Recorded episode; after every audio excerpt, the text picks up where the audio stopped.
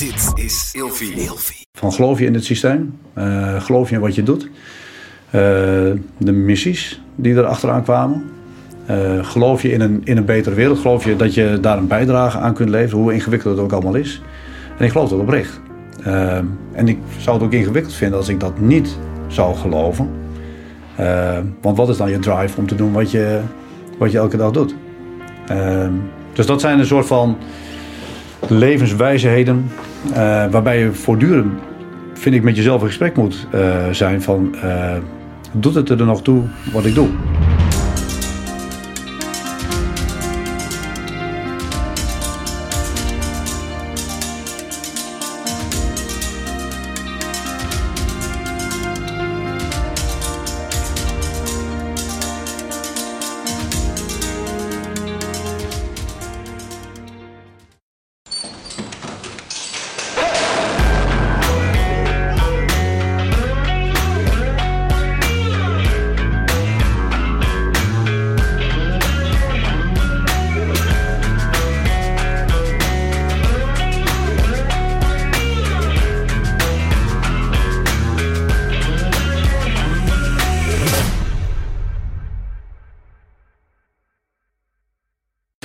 Uh, ja, ik heb heel veel, heel veel zin in vandaag. Dito? Ik denk toch wel een uh, bijzondere dag, want we hebben voor het eerst een uh, generaal tegenover ons zitten.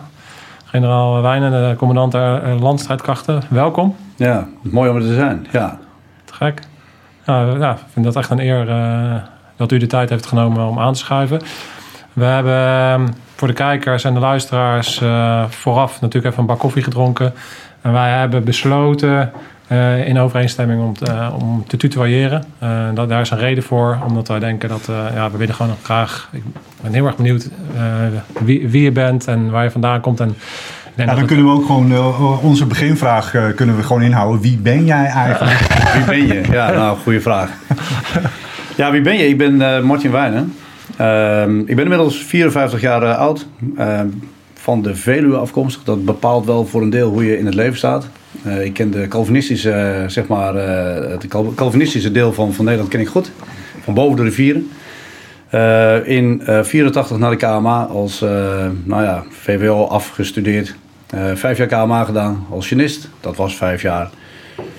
Um, en daarna begon aan een loopbaan waarvan ik toen nog niet wist dat die zeg maar, zou leiden tot nou ja, hier en nu. Dat ik nog steeds bij Defensie werk. Um, ik ben getrouwd. Ik woon in Enschede. We hebben twee kinderen. Eén dochter die studeert in Rotterdam. Een zoon die plotseling geslaagd was voor zijn VWO. Uh, en die zich nu onledig houdt met het werken bij Albert Heijn. Um, en uh, straks in Nijmegen gaat studeren. Dus dat zeg maar in großen ganzen ben ik. Ja, ja en, en dan, uh, als je zegt uh, ja, opgegroeid in uh, een Calvinistisch Veluwe, om het maar zo te zeggen, wat, wat doet dat met je? Wat, wat betekent dat? En wat, nou ja, kijk, iets als carnaval en grote uitbundigheid, dat is mij vreemd. Ja. ja. tot op de dag van vandaag. waar ik denk ik volgens sommigen wel goed opgedroogd ben. Maar ik kwam bijvoorbeeld vrij bleu op de KMA, uit een beschermde omgeving. Ik heb uh, geen jeugdtrauma's. Ik heb echt een prima jeugd gehad. Uh, opgegroeid met een kerk in een kleine gemeenschap met muziek en met voetbal. En helemaal prima. Ja.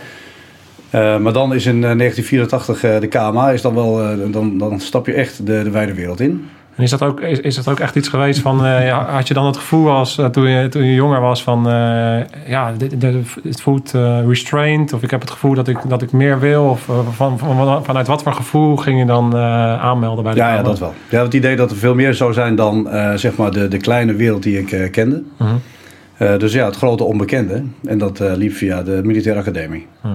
Waarvan mijn beide zussen, ik ben het nakomen, zeiden van nou, dat voor de kerst is het allemaal gebeurd. maar met de kerst had ik het uitstekend naar mijn zin. En aan het eind van het eerste jaar eh, nog veel meer. Dat was nog de tijd van de dienstplicht. Dus als ik toen gestopt was, had ik mijn dienstplicht achter de rug, had ik een andere studie kunnen gaan doen. Maar het smaakte naar meer. En aan het eind van het tweede jaar smaakte naar nog meer. En na vijf jaar nog, naar nog veel meer. En zo begon ik uh, daarna in Duitsland. Ik ben genist van uh, origine. Uh, dus dat, dat zijn zeg maar de de gevechtsondersteuners voor de manoeuvre met eh, de mijnen, de springmiddelen, de, de, mobiliteit. Dus ik kwam bij 41 Panzergeniecompagnie uit in uh, Zeedorf. eh, by far de beste panzernie vonden we in die tijd. En stiekem vind ik dat misschien nog wel zo. Eh, daar werd ik nog een keer extra gevormd. Hè. Vijf jaar militaire academie vormt je. Eh, maar pelotonscommandant met een ervaren OPC en eh, zeg maar zo'n kleine 50 dienstplichtigen. Ja, dat, is, dat zijn buitengewoon vormende jaren geweest. Eh, dus ja, ik, ik vind dat mijn opleiding en mijn vorming zeg maar een boost heeft gekregen vanaf 84 tot, tot en met eh, zeg maar die panzernieperiode in Zeedorf, dat ik terugkwam in Nederland. Ja, wat heeft het dan met je gedaan? Wat, wat, wat, wat maakte het je zo naar de zin daar? Ehm, nou ja, als je op de militaire academie eh word je natuurlijk geschoold, gevormd, eh, zowel academisch, maar ook gewoon als militair, militair leidinggever. Eh, maar het is allemaal, het is een, een biotoop. Ehm, en wat je ziet na drie jaar, dat je het gewoon in de vingers hebt. Ehm, dat je na drie jaar dat je groepen mensen, met groepen mensen eh, opdrachten kunt uitvoeren die eh, verder gaan dan dat ze eigenlijk zelf willen. Uh, dienstplichtige in zekere zin. Ik had ook een moeilijke lichting. Het was niet de schoolverlaterslichting, maar de, de drop-out lichting. We kennen ze allemaal nog wel, denk ik. Ehm, ja, dat waren ook eh jongelui die zaten er echt niet op te wachten om, om in Zeedorf eh, aan de slag te gaan. En dat je dan met zo'n zo'n club, dat je dat dan toch de, de goede kant op weet te bewegen. En tot op de dag van vandaag, eh, via social media, oude corporaals die zich eh, terugmelden. Wat voor fantastische tijd dat was. Dan denk ik ook, nou, we zijn wel wat vergeten. Want het was natuurlijk niet alleen maar fantastisch. Maar die, die, die band, ja, dat is eh, geweldig als dat dan lukt. Want dat weet je niet. Als je, als je van de KMA komt, als je van de academie komt, weet je niet of het ook allemaal gaat lukken. Nou, drie jaar dat gedaan te hebben, dan denk ik, nou, oké. Ik denk dat ik voor een deel wel weet wat wel werkt, wat niet werkt. Ja. Ja, juist, juist het feit dat het natuurlijk zo lastig is en, eh, en het niet altijd van laaie dakje gaat, maakt ook dat het natuurlijk een band schept dat je het jaren later nog o- over hebt. Ik moest daar laatst ook over denken, over bijvoorbeeld het eh, vaderschap, ouderschap. Ja, dat is echt niet allemaal leuk. Er zijn zoveel dingen die zwaar zijn en dingen, maar de band die je natuurlijk creëert op die manier, eh, doordat, je, doordat je gewoon, ja, je- je- you're in it for, for, for life, zeg maar. Je gaat, je gaat met elkaar en, eh, en dat is bij, bij, bij de militairen natuurlijk ook. Ja, je gaat samen, je kiest daarvoor en je bent daar en je gaat door allerlei shit heen en wat er, wat er ook op je pad komt. En dat creëert een andere band dan wanneer het vrijblijvend is. Ja, ja, absoluut. En eh, zeg maar, kameraadschap, onderlinge verbondenheid, dat zijn van die misschien wat geërodeerde begrippen. Hè. Wie heeft het daar nog over? Maar het werkt super. Als je met een groep wat moet doen, eh, zorg dat je die, die groepsband kweekt. Eh, da- daar kun je enorm veel mee bereiken. En ik heb ook uit die tijd, ik, heb ook gezien dat het, de vraagstukken worden ingewikkelder na- naarmate je verder vordert in een loopbaan. Maar die, die functies waarin je zeg maar rechtstreeks direct leiding geeft aan groepen mensen, misschien groepscommandanten nog wel ingewikkelder dan een pelotonscommandant, daar heb ik heel veel respect voor. Eh, en eh, tot op de dag van vandaag eh, wil ik veel investeren in onze onderofficieren. Omdat dat, ze zeggen, de onderofficieren zijn de ruggengraat van een eenheid. Maar dat is ook zo. Daar, dat zijn de moeilijke functies Ja. om uiteindelijk eenheden te laten doen wat ze moeten doen. En wat, wat maakt een corporaalsfunctie of een onderofficiersfunctie eh, ingewikkelder of lastiger dan een, eh, dan een laag daarboven, bijvoorbeeld, een pelotonscommandant? Nou ja, naarmate je verder vordert, word, word je, ga je van direct leidinggeven naar indirect leidinggeven. Eh, de vraagstukken worden anders. Je gaat randvoorwaarden creëren, je gaat opdracht, je gaat oogmerken formuleren. Maar het directe leidinggeven, dat zit bij de groepscommandant. En dat zit bij een pelotonscommandant.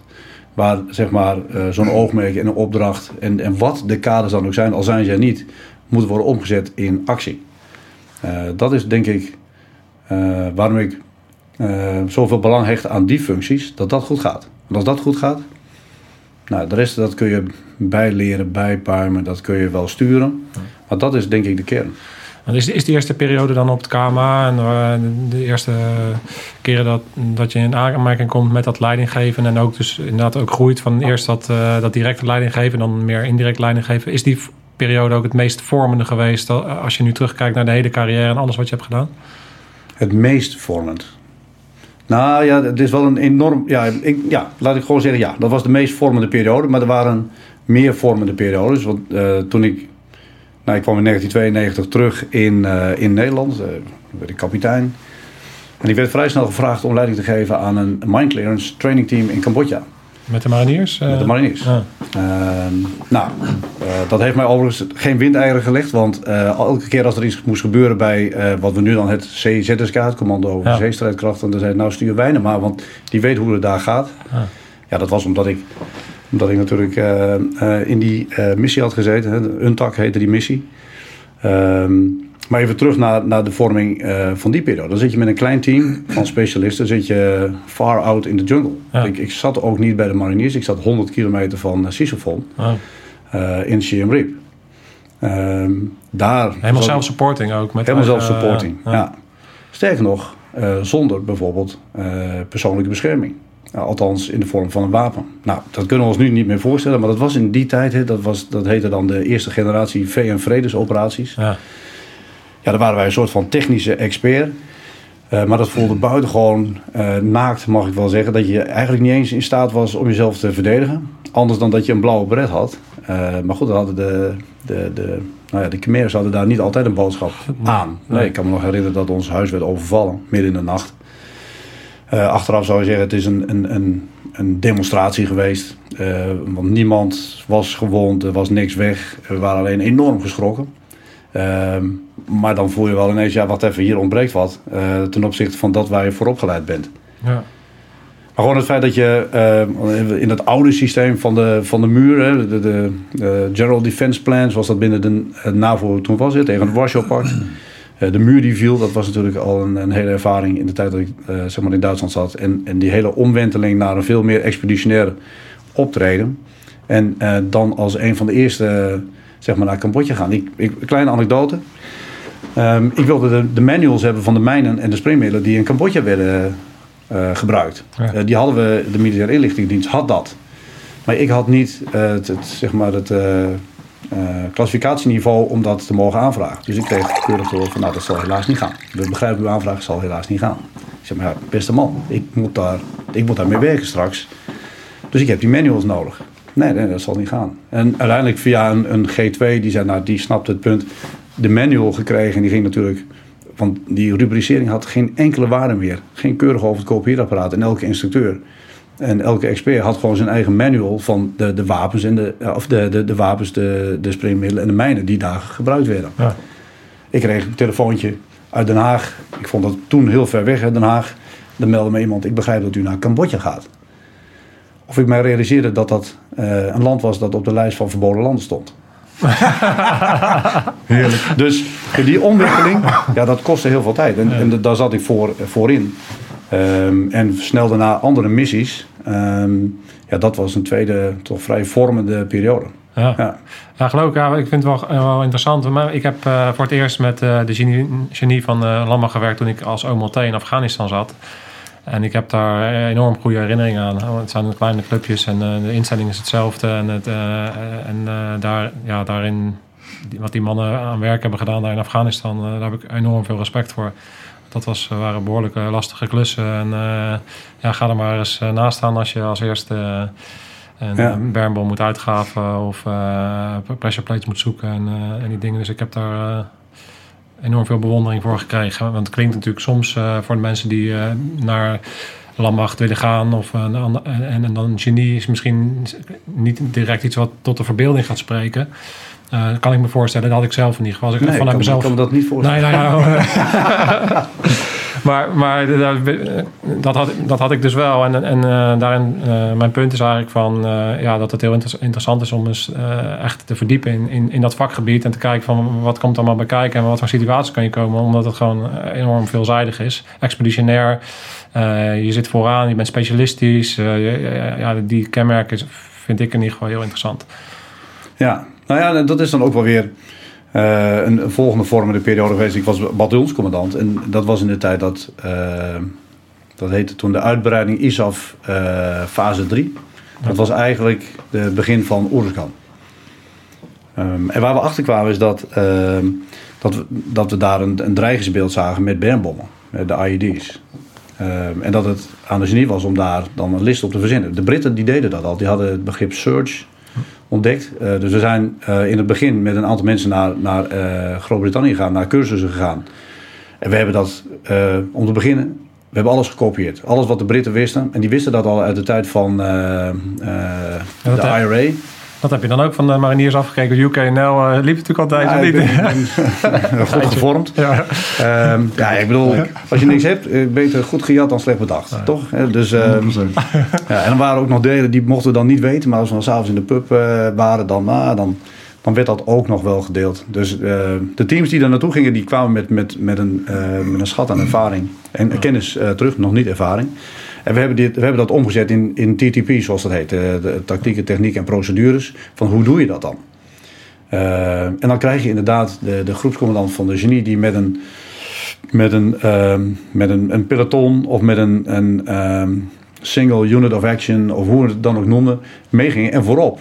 Ja. Eigenlijk eh scande van, nou oké, wacht even, dit is een mogelijke plaats waar dan een ID begraven zou kunnen liggen en hier niet. En die inschatting, ja, dat was natuurlijk een hele zware verantwoordelijkheid. Ja. En dat, dat was niet alleen het begin, maar er ontstond natuurlijk een soort van wapenwedloop in die IED's. Ja, die simpele plates, ja, die, vonden ze, ja, die vonden we dan op een gegeven moment wel, maar ze werden steeds geavanceerder en steeds geavanceerder.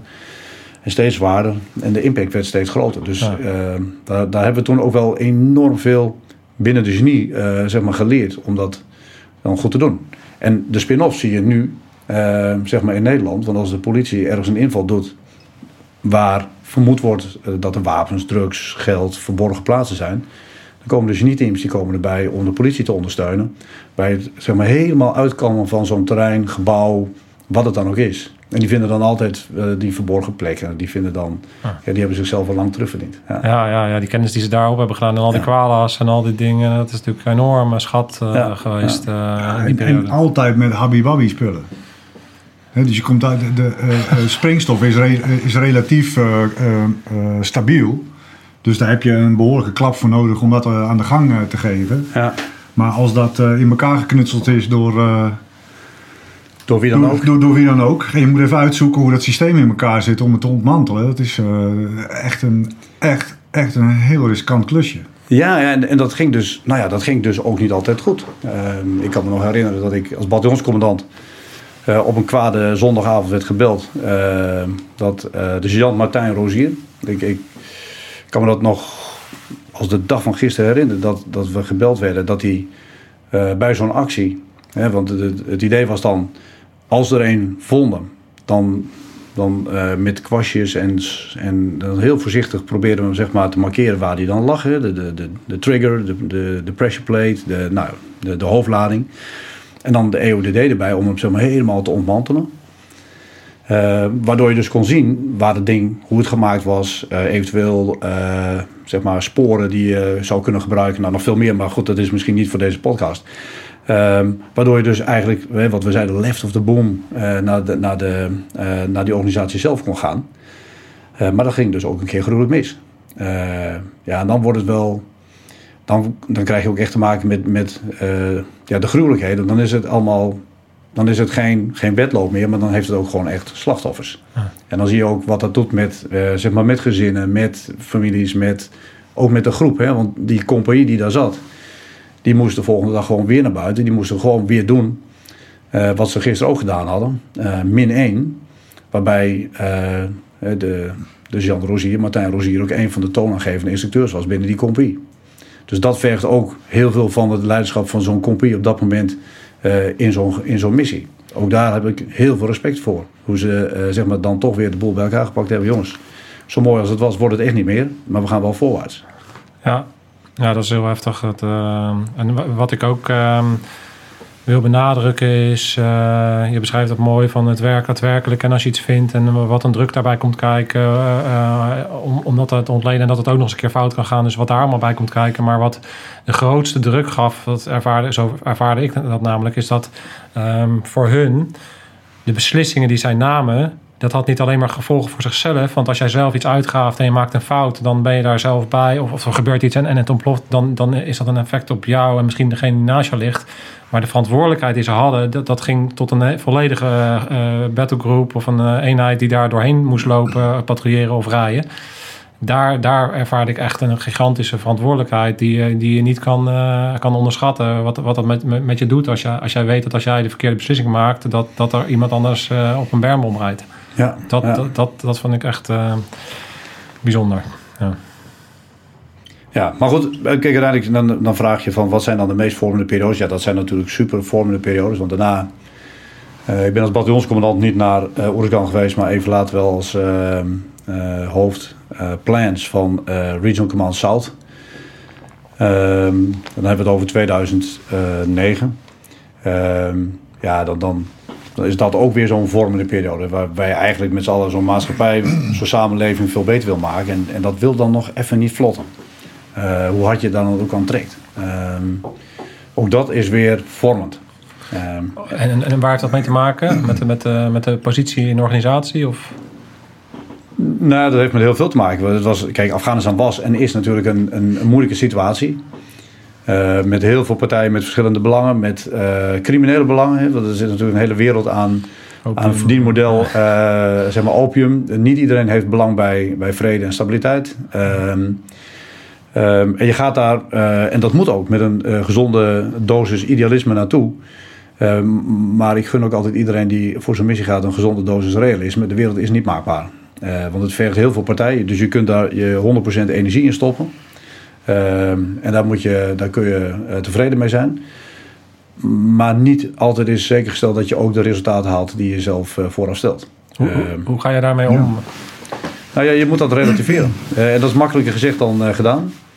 Ehm, je moet daar eh, zeg maar al oude principes in toepassen. Het buddy systeem geldt ook voor kolonels en ook voor generaals. Dat geldt gewoon voor mensen. Dat Zijn, geldt voor net, zijn, militairen. zijn net echte mensen. Ja, het zijn net echte mensen. Ja. Ehm, sterk nog, ik denk dat je in zwaar weer zit eh, op de dag dat je bedenkt dat je dat, dat, dat niet meer op, eh, op jou van toepassing is.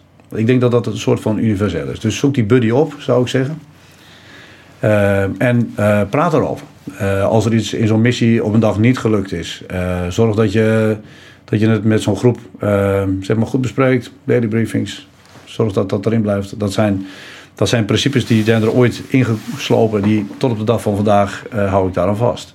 Sterker nog, ook nu met COVID. We zitten natuurlijk midden in de inzet voor COVID. Nou, we hebben bijna 50 detachementen, groter en kleiner, eh, eh, aan het werk in, in nou ja, de geneeskundige ondersteuning van, eh, van de ziekenhuis, noem maar op. Ook daar gelden die beginselen. Eh, ook daar heb je een buddy. Je let op elkaar. eh, je praat over wat je doet. en als het straks achter je ligt, ga je dat nog eens keer nou, met een biertje of hoe je het ook doet. Maar je gaat het even goed afwassen. Ook dat, dat zijn vaste missiewaardes die je moet toepassen. Je het ook niet doen, ja, dan kun je daar misschien straks nog wel eens wat last van krijgen. En dan, ja, dat kun je gewoon voor zijn. Ja, dat is heel, heel, heel waardevol. En, maar wat, heeft het met jou als mens gedaan? Dus er is een bepaalde ehm, reden waarom je uiteindelijk naar, eh, naar Defensie gegaan bent. Je wilde avontuur. En dat heb je gekregen. Maar wat heeft het met jou gedaan als mens?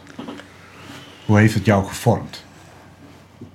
Ehm, nou ja, ik zou zeggen dat je, je wordt daar, eh, wat is het, eh, older, sadder en wiser. En grijzer? En grijzer. En, en nou ja, wellicht ook op delen niet grijs, maar wat, kaalachtig. Ehm nou, als je het hebt over, ehm, en dan, maar goed, dat klinkt wel heel zwaar, hè? Van, ehm, heb, je, heb je voldoening met het leven wat je leidt? Heb je, ben je tevreden met, met het werk dat je doet? Ja, dan is dat, is dat zeker zo. Want ik zocht het avontuur en de wijde wereld. Maar ik ging echt niet bij Defensie werken vanuit een ideologisch beginsel. Wellicht is dat een gebrek van mij. Maar ik, ik, ging echt niet de wereld verbeteren. Ik, ik zocht het primair van nou, veel fysiek en uitdagend. En laten we daar eens voor gaan. Maar dat stuk dat kwam er later wel bij. Eh, en ik denk dat de eerste keer... eh, Nou, Duitsland is zo'n periode. Van geloof je in het systeem? Eh, geloof je in wat je doet? De missies die er achteraan kwamen. Eh, geloof je in een, in een betere wereld? Geloof je dat je daar een bijdrage aan kunt leveren, hoe ingewikkeld het ook allemaal is? En ik geloof dat oprecht. Eh, en ik zou het ook ingewikkeld vinden als ik dat niet zou geloven. Eh, want wat is dan je drive om te doen wat je, wat je elke dag doet? Eh, dus dat zijn een soort van levenswijsheden eh, waarbij je voortdurend, vind ik, met jezelf in gesprek moet zijn van... doet het er nog toe wat ik doe? Eh, is er een reden voor, om, om uit bed te komen s ochtends? Nou, ik woon in Enschede, dus ik ga vrij vroeg uit bed. Ehm, is het dat waard? En zolang dat antwoord ja is, dan zijn we good to go. Ja, die vraag moet je ook niet elke dag stellen, want dan wordt het allemaal erg eh, zwaar. maar zo nu en dan moet je, eh, wat we dan zeggen, op die zachte steen gaan zitten. En je die vraag wel, wel stellen. En En als je daar niet een goed antwoord op weet, dan, zit je, dan staat het licht op oranje. Dan moet je nog eens even goed nadenken of je, of je nog goed bezig bent. Kijk, je hebt uiteindelijk één leven. Dan moet je het wel binnen doen. Ja, nee, maar het, want ik, ik, ik vind het heel mooi hoe je dat zegt. Want nou, als jij bataljonscommandant bent in Afghanistan en je bent verantwoordelijk voor een club mensen die in de frontlinie eigenlijk primair eh, het meest gevaarlijke werk doen, namelijk zaken opruimen waarvan we niet weten hoe ze in elkaar geknutseld zijn. Daar is echt geen manual voor, want het is gewoon iemand die heeft dat verzonnen. Ehm, en en, en je, je, je verliest daarbij iemand. Hè, dat, dat, daar kun je allemaal van tevoren over nadenken. En het is, is dat realistisch? Ja, dat is realistisch. Kijk maar, het is gebeurd. Maar dat, dat, dat doet iets met je als mens. 100, dat, dat, dat kan niet anders. Dus je moet wel heel goed weten waarom jij daar bent. En waarom jij leiding geeft aan al die mensen. En die mensen in die frontlinie naar voren stuurt om dat te doen waar ze goed in zijn. Eh, ik denk dat het leven je vormt in, ehm, als militair, maar denk ik ook wel als, als, eh, gewoon als mens. In eh, kennis, eh, ervaring, houding en gedrag. Dat bepaalt ongeveer hoe je je manifesteert. Nou, kennis, dat kun je ook doen, hè, cursussen, totdat je in ons weegt, bij wijze van spreken. Ervaring, dat door trainen, veel trainen, inzetten, ehm, dat vormt je. En dat vormt voor een deel ook hoe je je manifesteert, dus je houding en gedrag. En ik denk dat daar een, een soort van eh, voortdurende cirkel aan de gang is. Eh, je doet nieuwe ervaringen op, eh, die, weer, weer bijdragen aan. Eh, vaak spreken we over een rugzakje, ja, allerlei dingen in je rugzak, die je dan meeneemt en die vervolgens weer bepaalt hoe je het doet. Ehm, en dat, dat continu leren en dat continu verdiepen, dat, dat maakt ook dat je zeg maar leiding kunt geven aan zo'n zo'n eenheid. Ehm, een leider en een commandant moet ook inspireren. Als je niet gelooft in wat je, wat je, wat je zegt. Mensen hebben dat zo in de gaten. Eh, dus hoe kun je inspireren als je zelf al niet gelooft in, in, in wat je naar voren brengt. Wat je mensen vraagt te, te doen. Dus dat, dat, dat gaat voortdurend gaat dat door. Eh, tot zelfs op het moment dat je zelfs bent. Hè, dat houdt eigenlijk niet op. En, en dan kom ik even terug bij wat ik net zei. Als je ergens op een punt komt dat je niet meer gelooft in wat je doet. Hè, dat de purpose, je zei het heel mooi. Het doel waarvoor je het doet. hè, waarvoor je opstaat 's ochtends. Als dat weggaat, hè, om wat voor reden dan ook. Ja, dan moet je weg zijn. Dan moet je, dan moet je iets anders gaan doen. Ja. En, en, en, eh, jij bent vorig jaar augustus aangetreden als eh, commandant leid, eh, landstrijdkrachten. Hoe, hoe, neem, hoe neem je dat gevoel mee? Is dat het ook het belangrijkste in, in het eh, leiderschapniveau waar, waar je nu zit? Ehm, nou ja, de, purpose. Ik, ik heb een kernboodschap die eh, vrij eenvoudig is. Ehm, en dat begint met de purpose. Ehm, wij beschermen wat ons dierbaar is. Dat is een, een hele krachtige boodschap. Ik zei, ja, dat is een beetje een tegeltjeswijsheid. Maar in de kern zegt dat alles. Wij beschermen wat eh, ons dierbaar is. Ehm, en daarbij leg ik naar onze mensen uit dat ik eigenlijk eh, een landmacht nastreef die drie, drie dingen doet. Eentje die levert. Wij zijn er niet voor om te mekkeren. We zijn ervoor om te leveren als er wat van ons gevraagd wordt. En natuurlijk doen we dat op basis van de wenselijkheid. En dan kijken we naar de haalbaarheid. En we doen een risicoafweging. Tuurlijk moet allemaal verantwoord. Maar in beginsel hebben we te leveren. Eh, We zijn een landmacht die samenwerkt met al die partijen. Ik heb nog nooit meegemaakt dat ik ergens ingezet werd strikt alleen. Of het nou een VN-omgeving is, of het is met mariniers, het is met de luchtmacht. Het is, ik heb nog nooit meegemaakt dat we gewoon sec alleen werden samen, of ingezet. Dus de samenwerking. En de derde, een landmacht waarin mensen prettig werken. Als mensen niet prettig werken, en of dat nou fysiek veilig, sociaal veilig, of mensen kunnen zich niet ontwikkelen, dan gaan ze weg. Eh, en ik denk dat eh, de mensen, de collega's waarmee we de landmacht vormen, dat is, dat is ons kapitaal. Dus ehm, overal waar ik kom, zeg ik, nou jongens, eh, nog even, we weten het allemaal. Maar de reden waarom we er zijn, is omdat we beschermen wat ons dierbaar is. En nu gaan we aan de slag om te leveren. En dat doen we door samen te werken in een organisatie waarin de collega's prettig werken. Tot falen toe, zul je mij dit horen zeggen. Eh, omdat dit mijn eh, zeg maar command message is, waarmee ik de organisatie stuur. Tot eigenlijk het punt dat ik, ook als ik geen opdrachten zou geven en geen kaders zou stellen, dat mensen nog steeds eh, zeg maar, vanuit, vanuit die gedachte aan het werk gaan. En, en, eh, to- toen je aantrad, eh, was daar dan veel werk te doen? Was dat ook de, heel bewust de focus? Of is dat, komt dat meer ook vanuit het groeien naar die functie toe? Nou, ik, ik wist natuurlijk al een tijdje dat ik deze functie zou krijgen. Ik wist dat al een half jaar. Ehm, en ehm, ik heb eh, met de CDS dat besproken, Rob eh, de vice-admiraal uh, Rob Bouwer, de CDS. Nou, ik was PCDS, dus wij kennen elkaar uh, goed.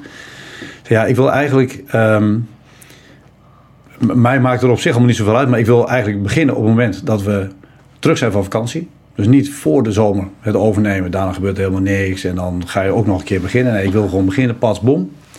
En ik wil uh, eigenlijk vanaf voor de zomer tot, na de, tot aan het eind van de zomer, dat waren uiteindelijk waren dat zes, zeven weken, de tijd hebben om zeg maar zelf rond te gaan in de organisatie. Met heel veel mensen te spreken, met van alles en nog wat aan beelden bevestigd te zien. Want ik wist al vanaf januari dat ik deze functie zou doen. Dus ik had een soort van, nou, dit is mijn assessment.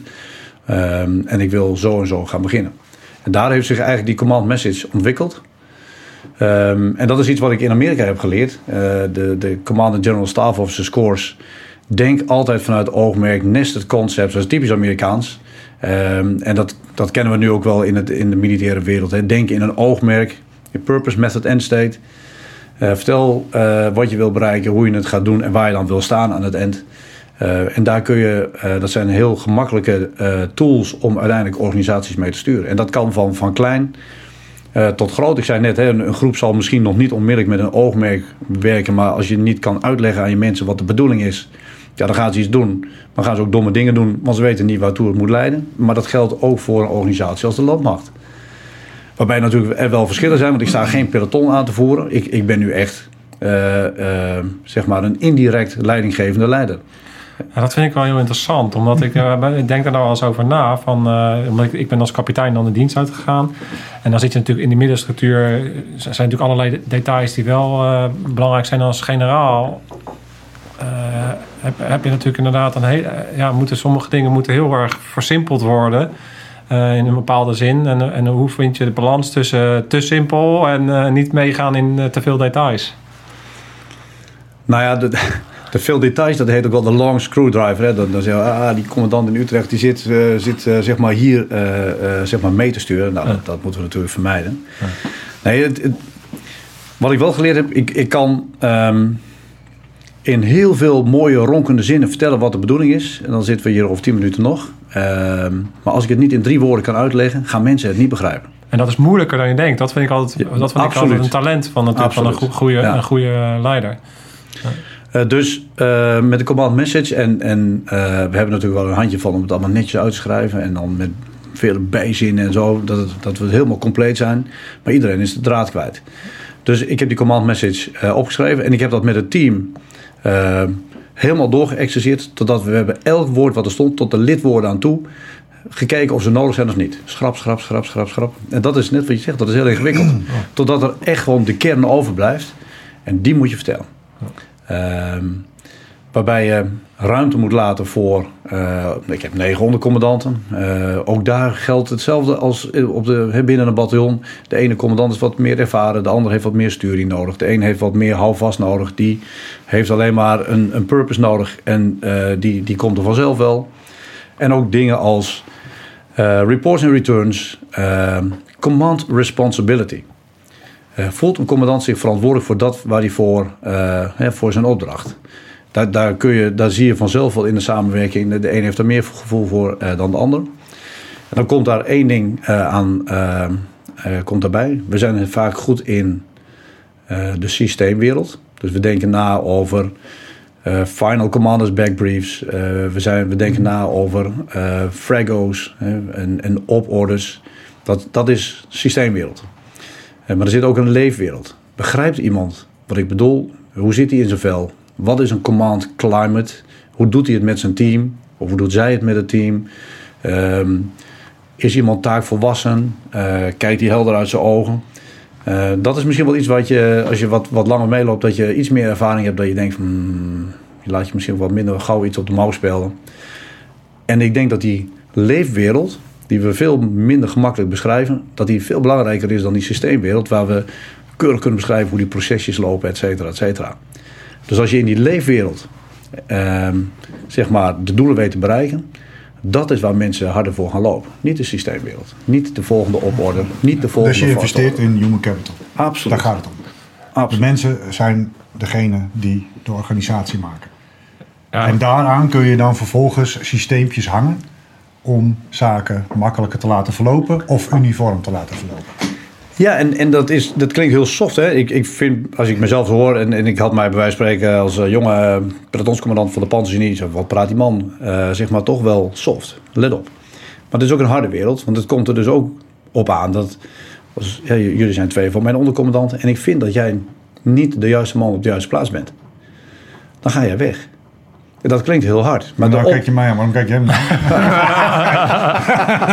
Ja, ja. Die krijg je Ja? En dat, dat, is, dat is niet leuk, Nee. maar wel helder. En de organisatie heeft er recht op, eh, zeg maar, lui die fit zijn voor de job.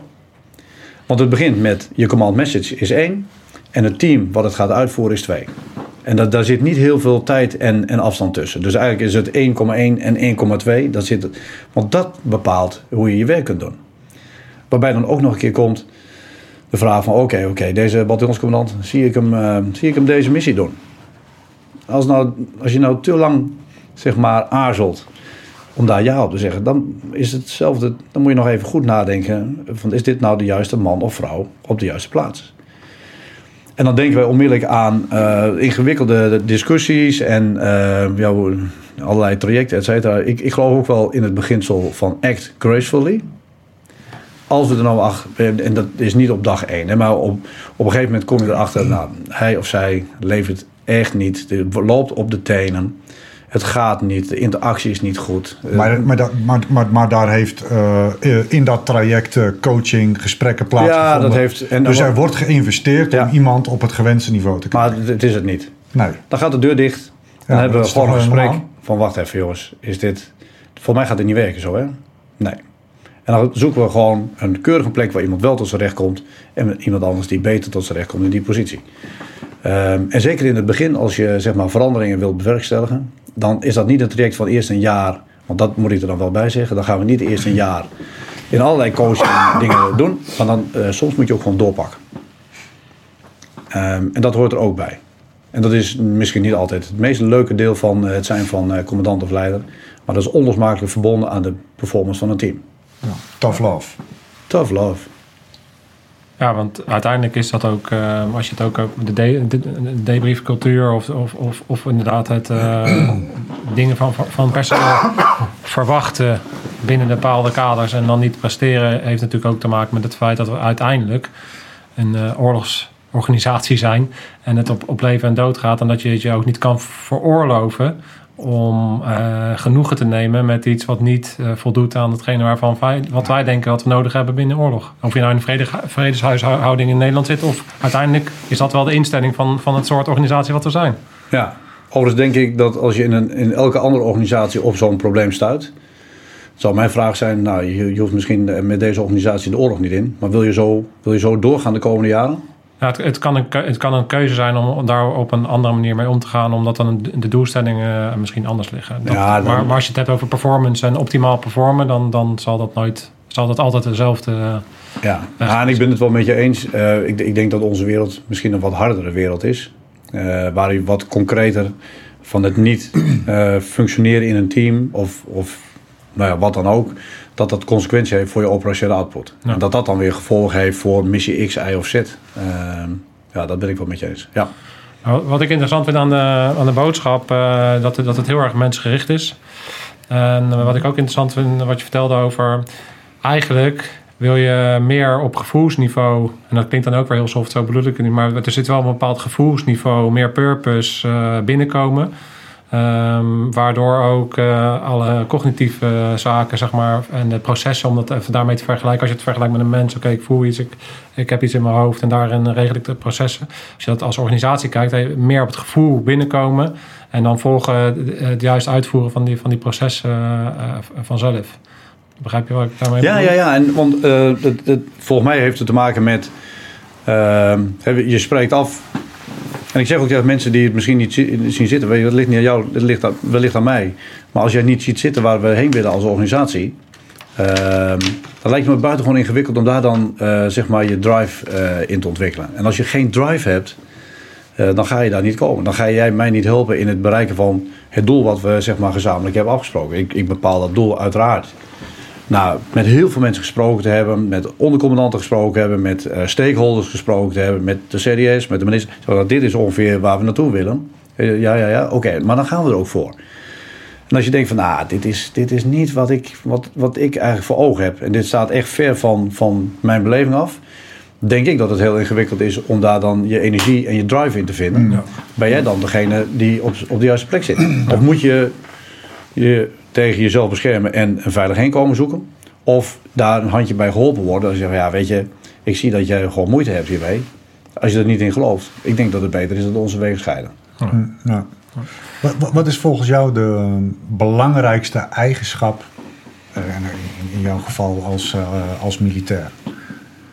Wat moet je voor mentaliteit hebben om succesvol te kunnen zijn binnen werkgever, eh, binnen een omgeving van Defensie?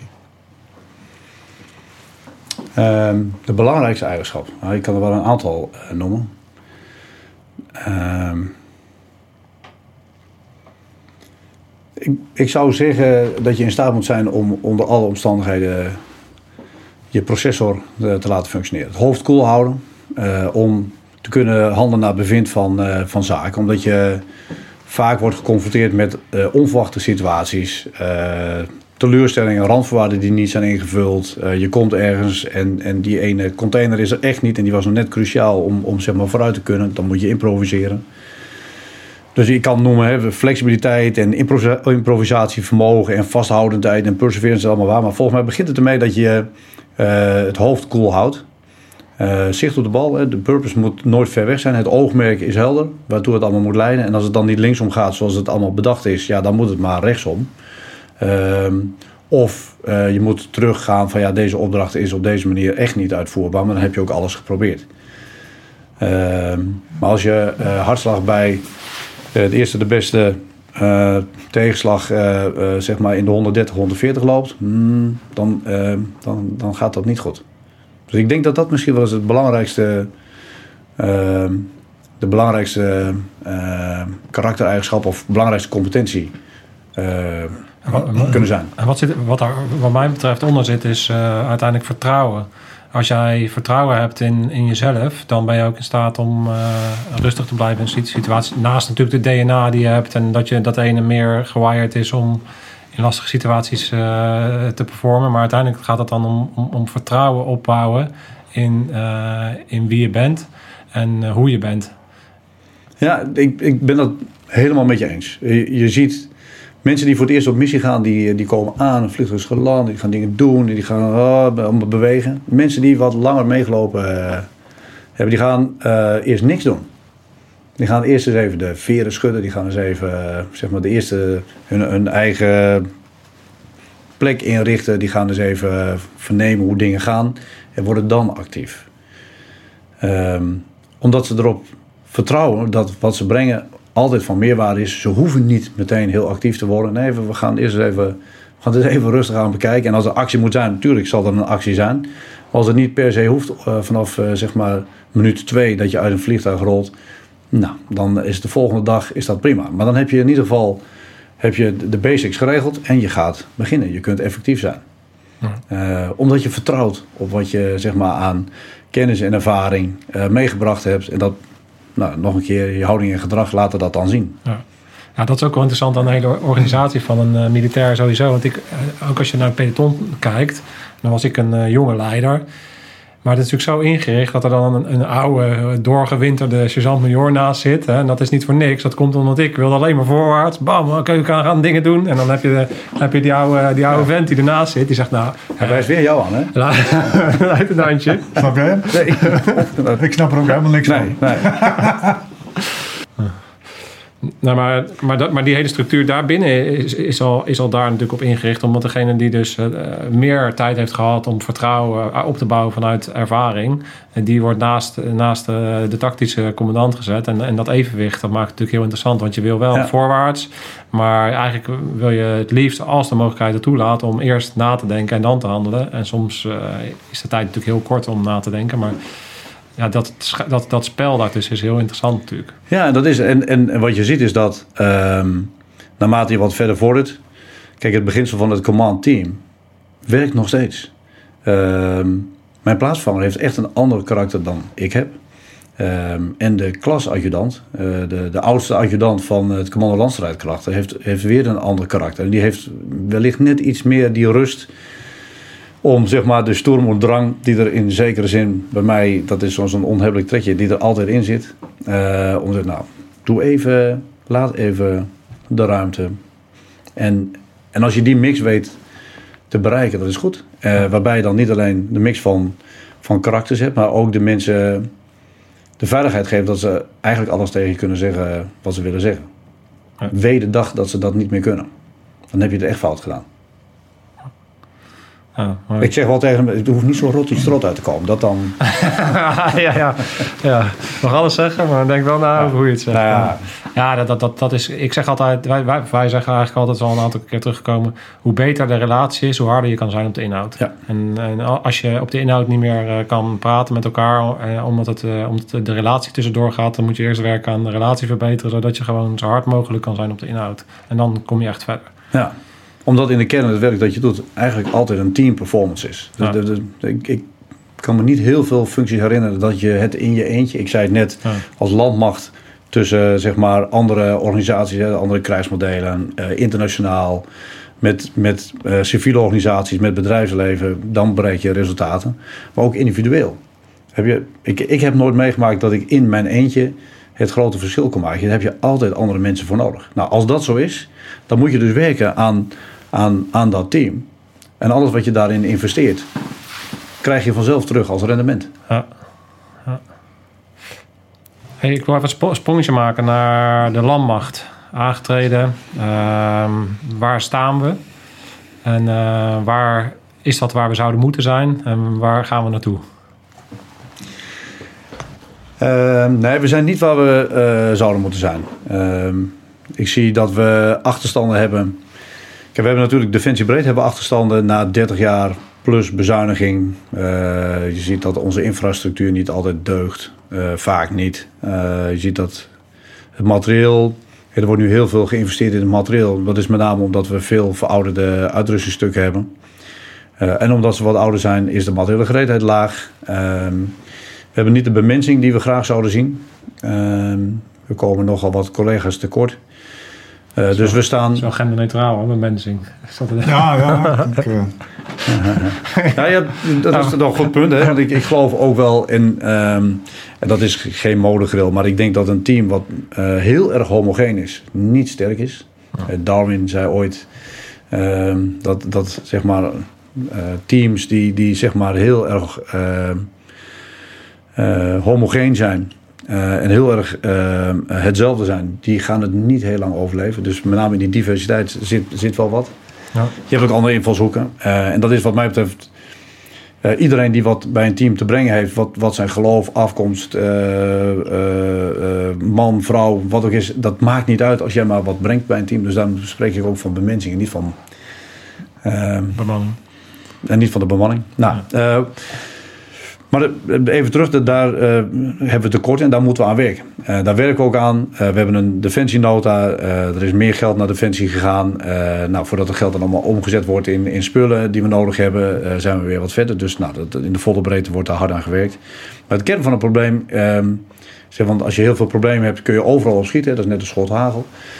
maar ik, heb, ik zie de kern van het probleem in het gebrek aan onderofficieren.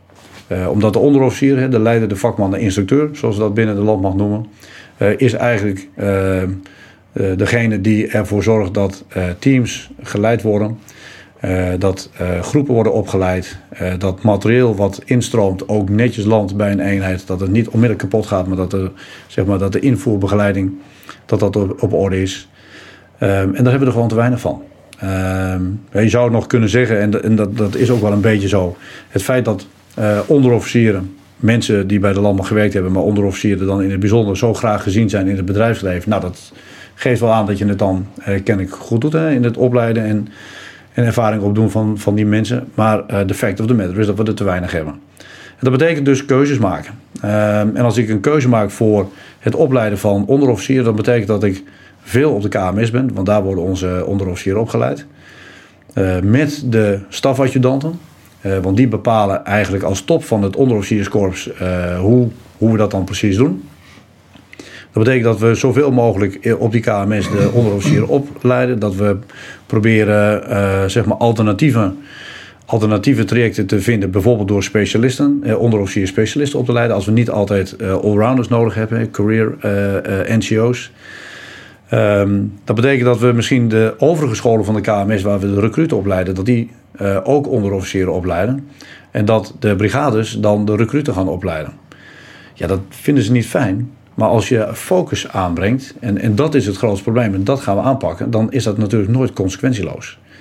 Eh, en dat eh, kan ik niet nalaten om te blijven uitleggen. Dat je niet alleen een prioriteit benoemt, maar tegelijkertijd ook aangeeft waar je dan dingen niet gaat doen. Ja. En dat is dus voor een deel zit dat bij, bij de operationele eenheden. Ja, totdat we eh, eh, op het punt komen dat die organisatie weer voldoende bemenst is. Dat we de, met name het probleem van de eh, onderofficieren afdoende hebben opgelost. En dan gaat de KMS weer opleiden en dan gaan brigades weer meer operationele taken doen. En dan krijg ik wel de vraag, ja commandant, maar we zouden toch eigenlijk voor deze missie, ja voor een deel wel jongens, maar voor een deel niet. Want wij zijn hier onze eigen mensen aan het opleiden. Want anders eten we onszelf eh, op. Ja. En dat is in ieder geval een road to nowhere. En daar, ga- daar ga ik echt niet verantwoordelijk voor zijn. Nee, dat, is, dat, is, dat is wel helder. Mhm. Hey, hoe gaan jullie om met, ehm, nou, je hoort het wel eens, eh, millennials, andere, andere, andere omgeving. We, we gaan nou eenmaal eh, heel erg hard in de maatschappelijke ontwikkelingen op allerlei gebieden. Ehm, hoe gaan jullie om met het nieuwe soort mensen wat binnenkomt en hoe gaan jullie om met behoud van personeel? We zitten in een swipe-cultuur. Ja, en, ja, ja, ja. En, qua en, baantjes en werk en eh, dat soort nou ja, onder andere door mensen sneller binnen te halen. Mensen zijn sneller afgeleid. Ehm, het- dat het niet meer een, een enorme periode zit tussen mensen die eh, belangstelling hebben om bij ons komen te werken. En dan uiteindelijk ook nog een keer binnenstromen. Dus dat moet korter. Ehm, maar ik denk dat we ook een ander ehm, type organisatie moeten worden om die mensen te blijven eh, boeien. Binden en boeien van mensen is denk ik een hele belangrijke. Ehm, en het idee dat deze generatie, of dat generaties niet deugen, Nee, dat is, is is, niet, eer- eh, dat- ik bedoel, ik hoor het vaak, hè, je hoort het volgens mij al sinds eh, de oudheid dat de, de jeugd van tegenwoordig deugt niet. Nou, wij waren ook vroeger, eh, althans ik was vroeger ook jeugd, jullie zijn nog jeugd. Ehm, dus dat, dat is een irrelevant opmerking. Je moet alleen zorgen dat je als organisatie meebeweegt om die mensen te blijven binden en boeien. En dat zit zowel in het werk eh, als in wat we ze kunnen bieden. Eh, mensen die zijn nog vaak binnenslaper, eh, hebben dan programma's om ze bezig te houden. Nou, al nu, om maar eens wat te noemen, dat is heel platvloers. Als je niet zorgt voor een wifi-omgeving waarin je snel zeg maar, op internet dingen kunt doen, ben je deze generaties gewoon kwijt. Sterker nog, zijn alle generaties kwijt, want niemand wil meer zonder internet. Nou, dat klinkt natuurlijk wat raar, maar tot eh, een jaar geleden waren kazernes nog niet goed aangesloten op, op eh, internet. Nu wel. Nou, dat is een begin eh, om daarmee om te gaan. En dan hebben we het werven is één en het behoud is, is twee. Ik zie nog te veel mensen eh, die we niet kunnen behouden. Ehm, die we bijvoorbeeld, en dan zijn het de, de millennials eh, en de eh, Generation Z hebben het over. Maar het gaat bijvoorbeeld ook over de mensen die eind 20 zijn, eh, inmiddels operationeel uitgeraasd zijn, misschien wel een gezin willen eh, stichten, et cetera. Ja, die kunnen we blijvend naar het buitenland sturen. Eh, die gaan dat in, in toenemende mate misschien zien als een opgave waarbij ze heel veel concessies moeten doen thuis. Eén ding is zeker, op een gegeven moment gaan ze weg. Zeg ik daarmee dat we zeg maar dertigers niet meer uitzenden? Nee, dat zeg ik helemaal niet. Wat ik zeg is dat we meer maatwerk moeten bieden. Ja. Dus als iemand tijd heeft, eh, nodig heeft om een aantal jaren voor eh, zijn of haar gezin te zorgen, dan moeten we dat regelen. Eh, wat ik heel goed vind, is dat we bijvoorbeeld parttime functies hebben. Dan kun je met twee mensen kun je, één functie doen. Maar dan zeggen we tegen die mensen die dat willen, zoek een ander die dat ook wil. Nee, nee, nee, nee. Dan moet wel als organisatie tegen iemand zeggen, jij kunt even zo'n functie doen. En over vijf jaar ben je weer fulltime. Want daarna moet je nog twintig jaar. En dan kunnen we weer veel meer, eh, zeg maar, kunnen we je veel meer belasten. Ja. En het probleem niet bij de man of vrouw neerleggen, maar bij de organisatie neerleggen. En misschien heeft dat wel te maken met het feit dat we in een, ehm, in een vraagmarkt zitten om mensen bij ons binnen te krijgen. En eh, wat minder in een aanbodmarkt. Hè? Want ik weet als er een economische recessie is, bah, komen mensen weer wat makkelijker bij ons. Ja. Nou, laat ik daar één ding aan toevoegen. Nou, Dan gaat er een goede tijd aankomen. Ja, maar ook. nou ja, we zien het nu al, hè? We zien het. We zien al mensen die eh, vertrokken zijn. En zeggen, ah, mijn ZZP-avontuur is misschien toch niet helemaal gelukt. En, en ik zie de kansen afnemen. Kan ik terug? Eh, dat we sneller mensen terug kunnen halen. Dus dat is, dat is goed. Maar dan nog zullen we die aantrekkelijke werkgever moeten zijn. Eh, omdat we dat, vind ik, verplicht zijn naar de mensen om ze prettig te laten werken in deze organisatie. En, en, en, en ehm, in hoeverre werken jullie bijvoorbeeld samen met, met, met, met, met de concurrent? Hè? Dus daar waar, waar, waar jullie onderofficieren naartoe gaan, omdat ze daar waarde, eh, eh, eh, eh, waarde hebben. In hoeverre is, ehm, hebben jullie wel eens nagedacht om juist samen te werken met het bedrijfsleven? Om aan te geven van wij zijn een waardevolle organisatie en wij leiden mensen op en geven mensen een, een Ja. schat aan ervaring mee. Ehm, eh, als een soort ja, voorschool. Kijk, vroeger had je natuurlijk eh, militaire dienst. Eh, daar was niet iedereen even gelukkig mee. Maar het heeft wel iedereen gevormd. Want de corporaals van, van die tijd, die, daar heb je nog steeds contact mee. Dat is volgens mij het enige waar het om gaat. Dat, contact, Ja. de verbondenheid die je daar creëert. In hoeverre eh, werken jullie samen? Zijn jullie een soort opleidingsinstituut voor Nederland? Ja, dat, dat, dat zijn we. Dat, dat willen we zijn. Eh, misschien wel meer dan, eh, dan wat we tot nu toe gedaan hebben. We zijn misschien wat meer naar binnen gekeerd. Een, een school voor Nederland bedoel. Ja, ik denk, Ja. Ik heb dan, dan, eh, ik denk aan een School of the Nation.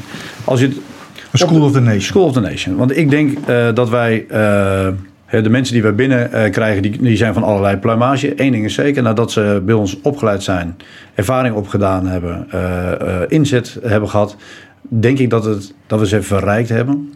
En dat ze beter zeg maar beslagen ten ijs komen op een arbeidsmarkt. Ehm, sommige mensen komen misschien niet helemaal op het opleidingsniveau binnen. Wat ze hadden kunnen doen als ze iets minder druistig waren geweest. Hè. Sommige watervalachtige mensen, die, die, maar die winnen. Hè, die, die raken de wilde haren kwijt. eh, die worden droog achter de oren. eh, die hebben eh, zichzelf ontwikkeld. En zijn daarna waardevoller voor de samenleving. Dus ik geloof veel meer in een soort van open cultuur. Waarin mensen misschien wel bij ons een aantal jaren werken, dan een aantal jaren niet en misschien wel terugkomen. Eh, we hebben het, eh, reservisten eh, die eh, aan operationele eenheden verbonden zijn. Eh, stel je voor, we, hebben, eh, we gaan met een, een 97 club eruit en we komen twee chauffeurs tekort. Wat is het probleem om een aantal mensen die tot voor kort 97 chauffeur waren, inmiddels zelfstandig zijn of een eigen, een eigen zaak hebben of, of ZZP'er of wat voor betrekking dan ook. En die komen gewoon weer voor acht weken terug. Dat zijn modellen, denk ik, die heel waardevol zijn. En daarmee bind je ook mensen je. Nou, we noemen dat eh, adaptieve krijgsmacht of eh, total force. Waarbij we veel breder kijken naar van wat kan een land zeg maar, eh, voor een prestatie leveren als, als krijgsmacht zijn. Heb je ze allemaal nu nodig? Of, of heb je misschien wel deeltijd militairen, reservisten? En dus, er is al veel meer mogelijk dan voorheen. Maar ik denk dat daar nog veel meer potentie in zit. En ik vind dat wij als, als krijgsmacht, defensie, landmacht... eh, een maatschappelijke verantwoordelijkheid hebben... eh, om een aantal van dat soort taken ook op te pakken. Eh, laat ik iets heel kleins noemen. We hebben een eh, project gehad, eh, jongeren met een jeugdzonde. Je zult maar op je zeventiende tegen bureau Halt aangelopen zijn. Ja, dat, dit hebben we al eerder Ja, besproken in podcast hoor. Super interessant. Ja. Dan moet je die voor een leven lang een stempel geven. Dat kan niet meer, dat kan niet, dat kan niet. VOG krijgt hij niet, zij niet, en dat komt dus niet binnen. Uh, dus we zijn begonnen met, dat zijn uh, uh, één adjudant, of nee, één uh, adjudant vakofficier, dus hij is inmiddels kapitein, kapitein, met een aantal adjudanten. Ehm, begonnen om lui die zeg maar waarschijnlijk nergens meer voor deugen. Niet, ze hebben geen zware mm. criminaliteit, hè? geen geweldsdelicten en, en, mm. en dat soort dingen. gewoon Uh, qua jongens die een verkeerde qua keuze jongens. hebben gemaakt. Qua jongens met een verkeerde keuze. Ik vind dat een mooie omschrijving. En die gaan er naartoe en die gaan die jongens aanspreken. En dan zien we dat, uh, is, is dat nou, is dat nou, uh, zijn dat nou de jongens die bij ons allemaal terechtkomen? In, in 90% van de gevallen niet. Maar uh, doordat het een adjudant is met zijn uitstraling, die bij een familie thuis op de bank zit.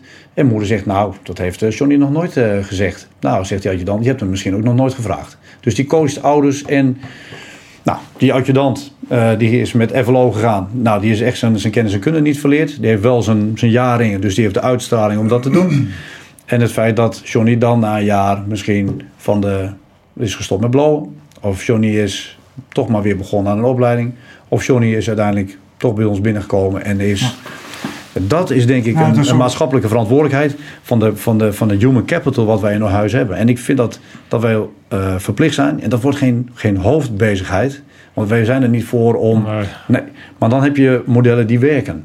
En eh, nou ja, ik ben eh, in overleg om te kijken of we dat programma wat kunnen uitbreiden. Omdat je daar dan het verschil kunt maken voor Nederland. Ja. Ja, wij kennen een, eh, een, een project in, eh, in Rotterdam, Heilige Boontjes. Eh, dat is een initiatief vanuit mensen eh, van de politie. En dat is in, in feite een, een koffietent waar, waar ze zelf koffie branden. En waar eh, eh, delinquenten in een project terechtkomen om werkervaring op te doen, letterlijk. Precies. En daar is een, een eh, gozer die eh, eigenlijk eh, een eh, strafblad had. En dus een eh, stempel op zijn kop. eh, die de politie zelf begeleid heeft richting Defensie. En die heeft een aantal maanden geleden in zijn uniform daar eh, eh, in, in, in, eh, in, in de coffeeshop staan eh, poseren van ik heb het gewoon geflikt. Ja. Ja. Ik ben nu militair. Ik, ik, ik, ik stel nu wat voor. Niet in, niet in die koffieshop trouwens. hè? Nee, nee, nee, nee, een bakje coffeeshop. Ja, ja, pak je een koffieshop. Ja, die heb je ook. Nee, nee, maar en één ding is zeker. Was dat project er niet geweest, dan was hij vrij zeker, hè, dat is ook allemaal statistiek, was hij niet in staat geweest om zich te ontworstelen aan, aan Nee. waar hij Nee, dan er, zijn mensen die hebben daar gewoon even hulp Exact, bij nodig. exact. En dat, is, en dat is prima. Maar ik denk dat dat meer een soort maatschappelijk normaal systeem moet worden. Waarin we mensen in een vroeg stadium eh, meehelpen en, en wat beter kansen bieden op de markt. Ondanks het feit wat voor stoute dingen ze hebben gedaan. Ja, Want je hebt nog een heel leven voor je. Ja, en, en, en dat is. En, en zo zie ik. eh, en dat is ook wel iets wat ik ehm, in Amerika geleerd heb. Ehm, als je in Amerika eh, geboren bent als, als, als krantjongen kun je miljonair worden. Was altijd het verhaal. Hè? Als je nu kijkt naar de feiten, dat is ingewikkelder dan ooit. De, de verschillen in, in klasses die zijn enorm. Maar de krijgsmacht in Amerika is nog steeds de sociale mobiliteitsfabriek. Nou, de vraag is of dat in Nederland ook niet in zekere zin het geval is. En ik denk dat het antwoord ja is. Dus je, je, je, je neemt eh, mensen in. Je zorgt dat ze meerwaarde krijgen eh, voor zichzelf. Dus ze kunnen zichzelf ontwikkelen. Eh, je geeft ze eh, de opleiding, je geeft ze de ervaring mee. En ze komen als een beter mensen terug. En daarna moet je ze aan je binden. Want dat is dan het andere deel. Ja. Ben je ze dan kwijt? Eh, en heb je alleen nog via Facebook over 20 jaar nog een keer contact? Of kun je ze bijvoorbeeld terughalen als reservist? Nou, daar, is, daar zie ik grote mogelijkheden en, en daar gaan we ook op inzetten. Ja, en, en, en je geeft mensen ook weer een stukje trots. Absoluut. Want ze maken onderdeel uit van, een grote, van het grote geheel. Met een, met een doelstelling, met een purpose, met kameraadschap, met verbinding. Ik leer hier wat, ik ben trots. En het mooie is, hè, de, de mensen die bij ons weggaan, eh, er willen ook wel eens mensen weer afgeleiden. hè. Dat, dat zie je nog wel eens een keer gebeuren. Nou, die komen dan in allerlei. eh, eh, binnen Landmacht is het over het algemeen via regiment en korpsen dat we kijken naar, naar onze, eh, zeg maar onze veteranen. Nou, niet iedereen komt goed terecht. Merendeel van de veteranen komt trouwens uitstekend terecht. Maar de mensen die, dan, die het niet helemaal redden, die, die idealiseren de diensttijd helemaal. Hè, de- dus de kameraadschap en de onderlinge verbondenheid. Nou, terwijl je denkt van nou, kerel, ik kan me nog herinneren dat dat die tijd was het wel eens niet allemaal eh Hosanna. Ja. Ehm, maar dat is wel wat mensen bindt. Eh, want je wilt bij een groep horen. Je, je, je eh, ontleent daar in zekere zin je status aan. Eh, erkenning en waardering zijn al begrippen die, eh, die vallen. Dat, daar, daar gaat iedereen Een onderdeel van je identiteit. dat is het. En erkenning en waardering maakt dat mensen twee keer zo hard lopen. Ehm, en dat is wat, wat mensen zoeken. Eh, en als wij ze dat kunnen geven, eh, nou, dan, is, dan, dan heb je denk ik een prima formule. Ik heb binnen de Defensie gezeten, daarna ben ik ondernemer geworden. En dan zie ik ook wel ehm, een dingetje. En dat wil ik koppelen aan ehm, het, het feit dat we eigenlijk in 2020 leven. En dat nu eindelijk eh, de wifi goed geregeld is op eh, kazernes. Ik bedoel, het niet, ik bedoel het niet lullig, want ik begrijp hoe, hoe het werkt. Maar als je, als je dat vergelijkt met hoe snel de maatschappij ontwikkelt. En hoe- wat voor mensen we binnenkrijgen. Ik zie dat binnen het onderwijs, ik zie dat eh, binnen de krijgsmacht. Eh, eh, zie je toch dat we daar soms 10, 20, 30, 40 jaar achterlopen met bepaalde dingen. Ehm, en dan heb ik het over het innovatief vermogen dan van zo'n organisatie. En, en, en eh, het feit dat je zo groot bent, zo log bent, dat dat gewoon bijna niet, niet te doen is. Hoe zie je die twee zaken in, in verhouding? Tot, hoe snel de mensen zich ontwikkelen en de technologie ontwikkelt en, en, en de organisatie en de logheid in erin. Hoe, hoe, kunnen we dat, hoe zouden we dat kunnen verbeteren? Ehm, nou ja, je, moet het in ieder geval organiseren. Ehm, en als ik zie wat wij aan eh, innovatieprojecten hebben lopen, dat is echt gigantisch. Zelfs eh, bijvoorbeeld counter drones, dat is niet eens de experimentele staat nu meer voorbij. En dat wordt al ingezet door eh, allerlei partijen. Ja. Ik denk dat een van de grootste drivers van de verandering op dit moment de, de exponentieel ontwikkelende technologie is. Onder aanvoering van, de- van de digital power, hè, de, de, de wet van Moore. Hè, elke anderhalf jaar nog steeds verdubbeling van de rekenkracht. En alles wat daarmee samenhangt. Ehm, en ik denk dat eh, organisaties, als ze niet voldoende meebewegen eh, eh, en niet eh, gebruik kunnen maken van die, van die technologie, zelf ten gronde gaan aan die technologie. Dan doe je er niet meer toe, je bent niet meer relevant en je houdt op te bestaan of je wordt vernietigd. En dat geldt voor commerciële organisaties, dat geldt naar mijn idee ook voor niet-commerciële organisaties. Dus je zult moeten meebewegen. En daar dus mensen voor de ruimte voor moeten geven. Zo werken wij nu heel veel met concept development en experimentation op een manier. Dat hebben we, als je dat zeg maar 30 jaar geleden terug zou zeggen, waar we in een vrij starre organisatie zaten, eh, dan is dat, is dat zeg maar groundbreaking zou ik bijna zeggen, maar het is nooit genoeg. Je moet daar de, de, eh, de mensen de ruimte voor geven. En tegelijkertijd kan niet iedereen eh, zeg maar fundamenteel innoveren. Want dat moet ook nog gewoon gewerkt worden. En de kleine innovaties, namelijk ik ben morgen iets beter dan vandaag. Ja. En vandaag iets beter dan gisteren, eh, hoort daar ook bij.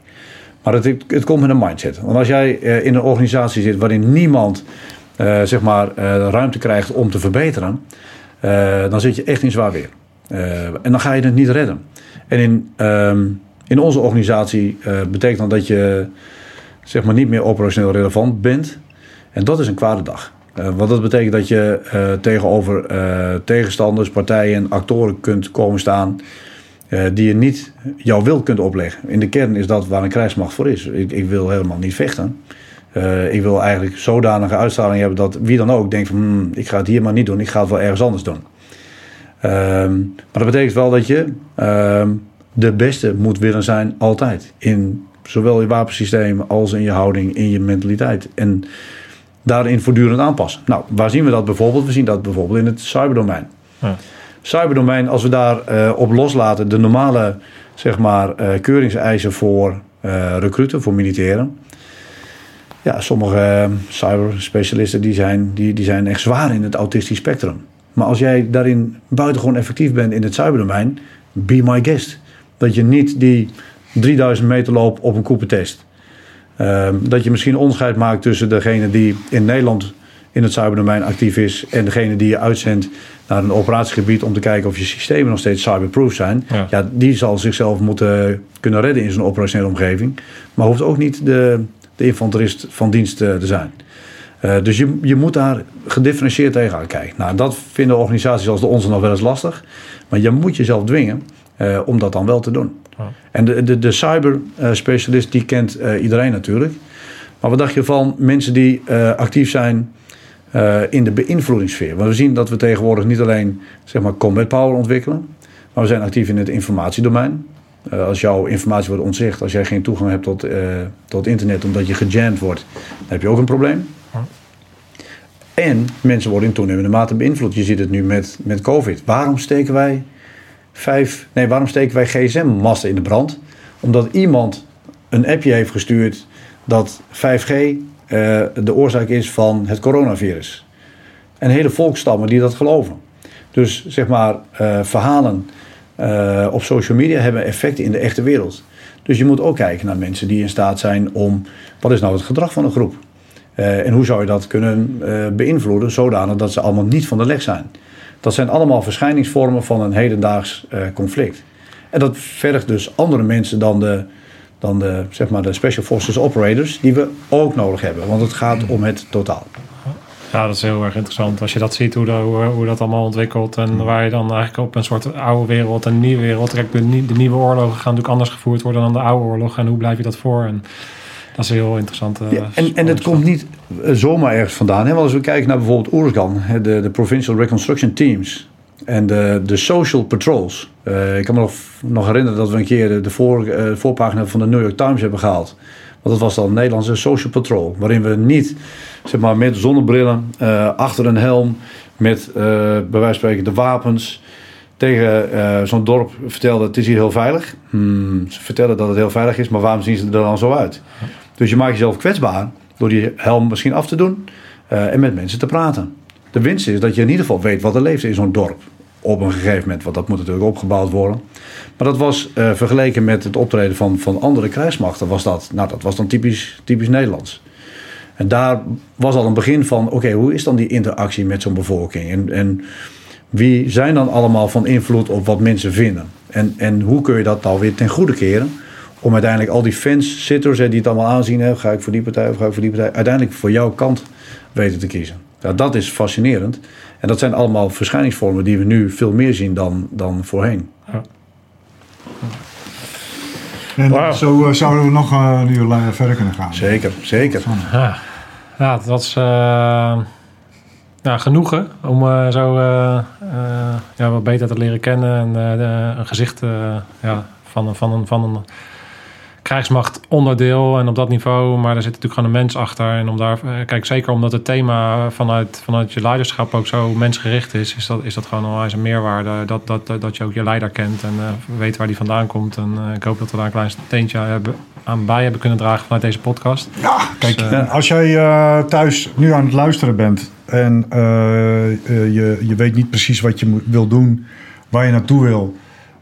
dit is de directeur van de School of Nation.